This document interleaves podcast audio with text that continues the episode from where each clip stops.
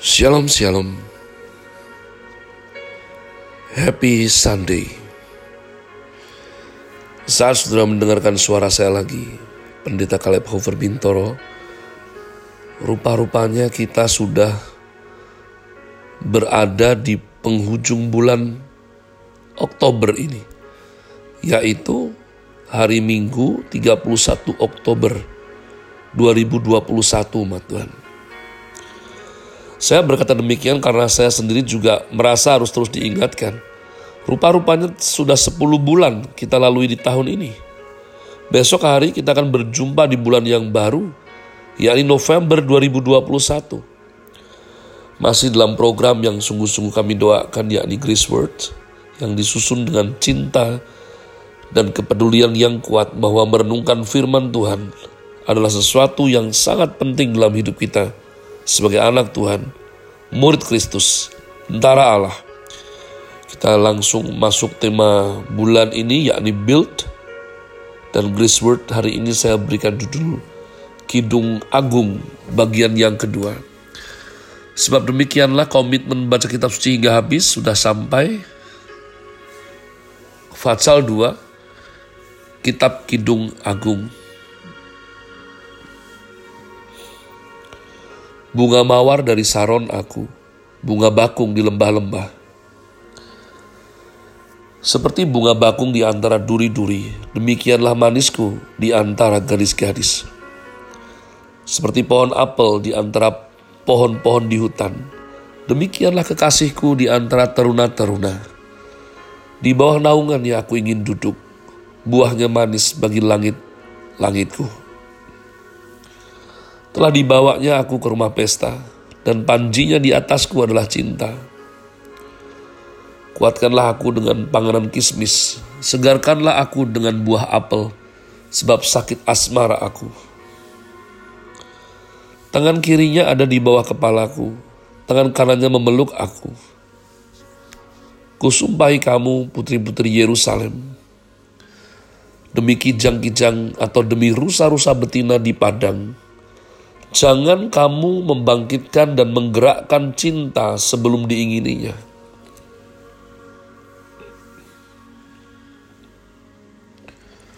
Di pintu mempelai perempuan, ayat yang ke-8, dengarlah kekasihku, lihatlah ia datang.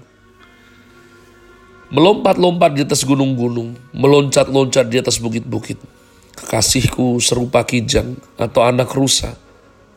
Lihatlah ia berdiri di balik dinding kita, sambil menengok-nengok melalui tingkap-tingkap dan melalui dari kisi-kisi. Kekasihku mulai berbicara kepadaku, bangunlah manisku, jelitaku, marilah. Karena lihatlah musim dingin telah lewat, hujan telah berhenti dan sudah lalu. Di ladang telah nampak bunga-bunga. Tibalah musim memangkas. Bunyi bunyi tekukur terdengar di tanah kita. Pohon ara mulai berbuah dan bunga pohon anggur semerbak baunya. Bangunlah manisku, celitaku, marilah. Merpatiku di celah-celah batu, di persembunyian lereng-lereng gunung, perlihatkanlah wajahmu, perdengarkanlah suaramu, sebab merdu suaramu dan elok wajahmu Tangkaplah bagi kami rubah-rubah itu, rubah-rubah yang kecil, yang merusak kebun-kebun anggur, kebun-kebun anggur kami yang sedang berbunga. Kekasihku kepunyaanku, dan aku kepunyaan dia yang menggembalakan domba di tengah-tengah bunga bakung. Sebelum angin senja berembus dan bayang-bayang menghilang, kembalilah kekasihku. Berlakulah seperti kijang, atau seperti anak rusa di atas gunung-gunung tanaman rempah-rempah. Saya pikir bukanlah pembelaan yang tidak masuk akal. Kalau kita tidak mengerti keseluruhan daripada pola pikir Raja Salomo. Sebab hikmat yang dikaruniakan Tuhan kepada beliau sangat hebat sekali umat Tuhan. Dia menulis puisi yang saya pikir ya masih misteri sampai sekarang kitab Kidung Agung ini dengan semua susunan bahasa yang begitu indah dan intim. tapi melompat ke sana kemari. Apakah Raja Salomo ingin memberitahukan kepada kita bahwa setelah sekian lamanya, maka dia kali ini beroleh istri yang lincah, yang seperti rusa umat Tuhan. Yang mempunyai kekuatan gimnastik, mempunyai bakat balet misalnya. Atau ini berbicara mengenai suatu sifat yang bersuka cita. Yang semangat, yang tidak bisa diam. Atau menuturkan apa beliau ini? Paling tidak kita melihat suatu keintiman yang sedang digambarkan oleh dia.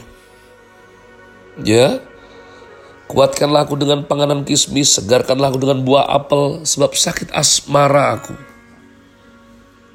Tapi ayat yang ketujuh, kusumpahi kamu putri-putri Yerusalem. Demi kijang-kijang atau demi rusa-rusa betina di padang, jangan kamu membangkitkan, menggerakkan cinta sebelum diingininya Beberapa kali pada saat mengikuti seminar ya di Rock Ministry, saya mendengarkan ini dibahas sebagai salah satu yang ya jangan menggerakkan cinta sebelum diingininya. Tapi mengapa Raja Salomo menyumpah demikian? Bukankah dia sendiri yang render voice? Raja Salomo tidak menahan dirinya dari apa pun dia mengizinkan perasaannya mengalami apa pun. Jadi kalau memang ini ada stimulasi sebelum waktunya, ya, entah apakah berbicara mengenai si wanita sudah cukup umur atau belum, mengenai anak rusa, kita juga tidak tahu paham pastinya bagaimana. Bagaimana kita dikasih clue, satu sisi ya dia merindukan semua hal yang baru, Sampai nanti dia kecewa karena rupa-rupanya tidak ada yang baru di bawah matahari. Tapi satu sisi dia bilang, kusumpahi kamu. Demi rusa betina. Jangan bangkitkan gerakan cinta sebelum diingininya. Lepas dari begitu terbatasnya kita memahami apa yang beliau sampaikan umat Tuhan. Kitab Kidung Agung tetap tidak kehilangan sentuhan manisnya merayu, memuji, mengekspresikan cinta satu sama lain. Ini menurut saya adalah sesuatu yang lepas daripada kita itu mungkin harus letakkan sejenak untuk betul-betul cari tahu Raja Salomo mikir apa. Tapi ada waktunya kita saja yang jujur. Kapan terakhir kali kita berkasih-kasihan, bercumbu-cumbuan dengan istri kita, dengan suami sah kita. Ya. Apakah kita masih mempunyai sparkling? Apakah kita masih mempunyai apa itu?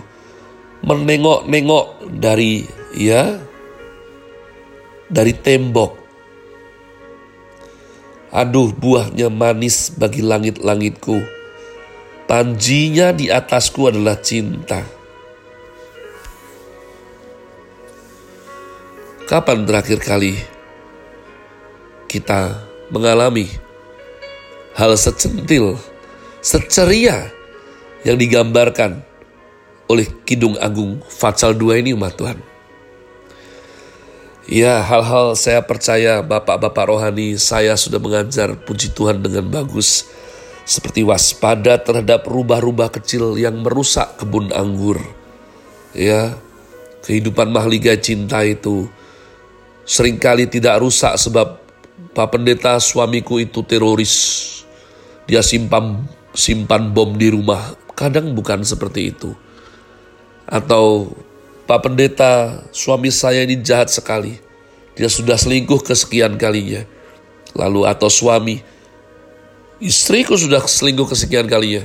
Kadang-kadang juga tidak demikian buat Tuhan. Kadang-kadang oleh karena penatnya, capeknya rotasi kehidupan. Ya, entah sejak kapan yang manis itu hilang. Sehingga kita terbiasa untuk yang datar-datar saja. Kita anggap itu bagus, tapi rupa-rupanya Percikan api emosi lebih gampang disulut daripada percikan api asmara. Kenapa begitu?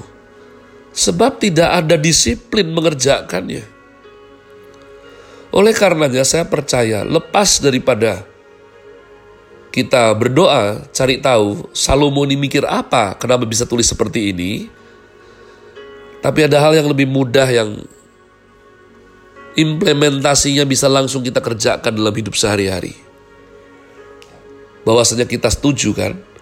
Fatsal 2, kitab Kidung Agung ini ringan sekali, renyah sekali, ceria sekali. Ya, melompat-lompat, menengok-nengok melalui tingkap-tingkap, ya.